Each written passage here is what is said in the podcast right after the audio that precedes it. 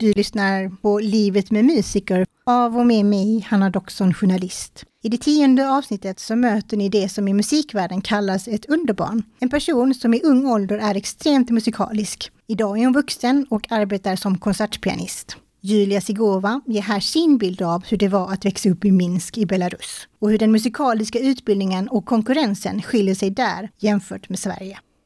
Det var min mamma. Hon tror fortfarande att jag har någon förmåga att uppleva musiken inom mig. Så det är därför ville hon att jag ska spela piano. För hon kunde höra och se att jag känner musiken på något sätt. Liksom att jag upplever musik på ett annat sätt än de andra. Hon är också pianolärare och eh, hon har jobbat som en ackompanjatör i många år. Redan när jag föddes jag började sjunga. Man gör eh, som barn, eh, man uttrycker sig genom att utveckla något ljud eller något sånt. Så man, man kan inte ens eh, skaffa meningar eller ord, men man, liksom, man gör sådana ljud, olika ljud. Och min mamma upptäckte att jag reagerade väldigt mycket på sånger och ville sjunga. Jag reagerade väldigt, och speciellt när det var något falskt. Ja, alltså ma mamma trodde att jag har en sån här perfect pitch, så att säga. Så du började gråta om det var falskt? Jag grät inte, utan jag reagerade på något sätt. Liksom jag visade ihop med mina känslor. Ja, det, det var någonting som var fel. det kom naturligt. Det, jag kan inte beskriva, utan det, det sitter i mig. Och det var ju helt naturligt för mig. Det är väldigt speciellt. Genetiskt tog jag väl det från min mamma. Men nu kom jag på att min, min pappa hade också um, i sin familj hade mm, till exempel hans mamma tyckte om att sjunga och moster eh, spelade fiol. Också hon är ju fiollärare. Så, så det fanns ju någon i familjen på, på pappas sida som var väldigt mycket musikintresserade. Jag är ju född eh, 1982 och då är jag född i Minsk. Och då var det Sovjetunionen och det fanns det ett system, utbildning, där nästan alla barn fick gå på musikskola. Vad jag menar med musikskola, det är Eh, en byggnad, byggnad alltså med, med alla musikämnen. Inte bara piano, fiol, utan det fanns ju också kör, obligatorisk kör, musikhistoria, solfeggio eller gehör, vi säger eh, satslära. Så allt detta var ju en, en sån paket, en utbildning som man gått i åtta år nästan. Jag kom dit med min mamma. Min mamma tog mig till sin eh, gamla lärare i, Minsk. Eh, och då var det, alltså, konkurrensen var väldigt hård på dåtiden. Det är bara väldigt begåvade barn som, som kom, kunde komma in. Och jag var sex.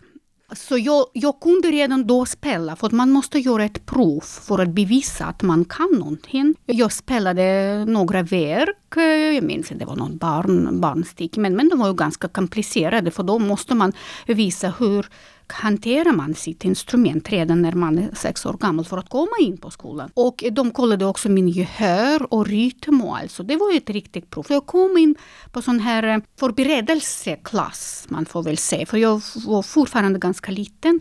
Och sen kom jag in eh, nästa år, när jag var sju år gammal, så kom jag in liksom på den, den första klassen. Det går väl inte riktigt att jämföra med hur nivåerna är i Sverige mot, alltså på den nivån där? Det går inte tyvärr. Och eh, som jag berättade ju innan, vi hade en, en separat byggnad. Och, och, och, man, man tänker så här, hur många skolor fanns det bara i Minsk? Va? Musikskolor. Jag vet inte, hur många? 20 kanske. Du vet, 20 separata byggnader. På förmiddagar gick jag till, på en vanlig skola och sen på eftermiddagar var jag på en musikskola. Så jag var upptagen hela dagen. Så det var en disciplin och också en struktur. Och det var ju såklart regeringen som styrde också kulturnämnden och allt sånt. De styrde den här planen, hur barnen ska utvecklas. Och man behöver ju inte vara en professionell musiker, men under de, de där åtta åren, man ska, eller sju, åtta år, man får en riktig utbildning. Och sen får man välja väl om man vill bli musiker och fortsätta och gå vidare till musikgymnasiet eller om man liksom, ja, går en annan väg. Det var ju på, på, på riktigt så att säga. Som, som alla föräldrar, min mamma ju liksom tjafsade hela tiden. Ah, du måste öva, du måste öva.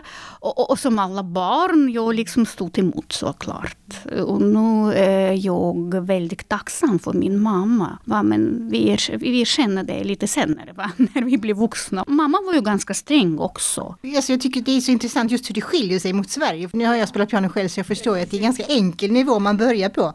Men alltså för att du beskriver att du gick på ganska hög nivå som sexåring. Dit kommer man inte på en kvart. Nej, jag tror vi övade varje dag 40-45 minuter. Och sen ökar man och så programmet blir ju större och större och då måste man öva. Och sen vi hade ju prov varannan månad. Så vi fick instudera ett nytt program varannan månad. Så man måste öva. Och tänk på att vi hade ju också en skola, en vanlig skola, där man har massa med ämnen, massa med hemläxor. Så vi var ju upptagna. Men tänk på att då, på dåtiden fanns det ingen eh, så att säga, internet. Eh. Ni lär er ganska tidigt att det, det är viktigt att ni är duktiga. Innebär det också att barnet bredvid blir en konkurrent mot dig? Ja, vi växte upp eh, i en fullständig konkurrens. Nu förstår jag att vi motiverade varandra. Vi, man måste vara stark, liksom. man måste ha en stark vilja och man måste förstå också att ja, det finns en, en konkurrens. Men eh, genom konkurrensen vi växer upp. Det beror ju också på ja, och kritik och allt sånt. Om det är konstruktiv kritik eller, eller en, en sån här kritik som man, eh, man inte liksom pressar ner för mycket.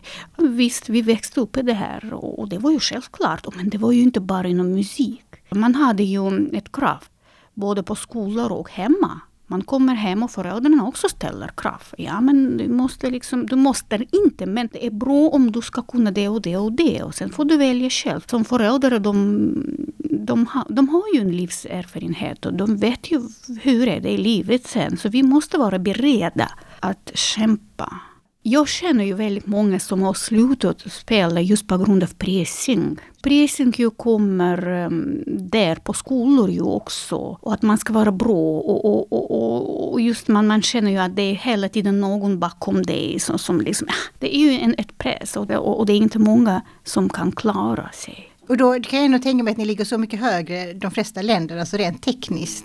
Och så tycker man ändå inte att man håller måttet. Jag minns när jag kom till Sverige, och tänkte jag, herregud, det är ingen som eh, springer efter mig och, och, och liksom skriker Julia du måste öva eller. Alltså det är ju liksom, jag är själv en, alltså jag är helt jag kände liksom så här, ah, men var, var, varför, det är ingen som, som pressar på mig och säger ah, men du måste öva eller du måste göra det och det. Och, och det var ju ganska konstigt för mig. Jag kände, men, ah, men kan jag få den utbildningen om ingen liksom tvingar mig att göra något sånt? Det är ju inget fel på, på, på det sättet, men jag var ju van. Det är någon som ställer krav.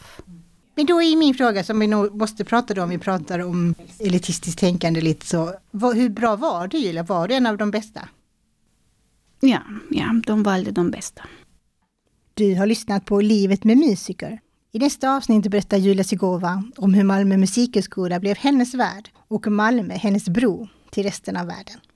Producent är jag, Hanna Doxon.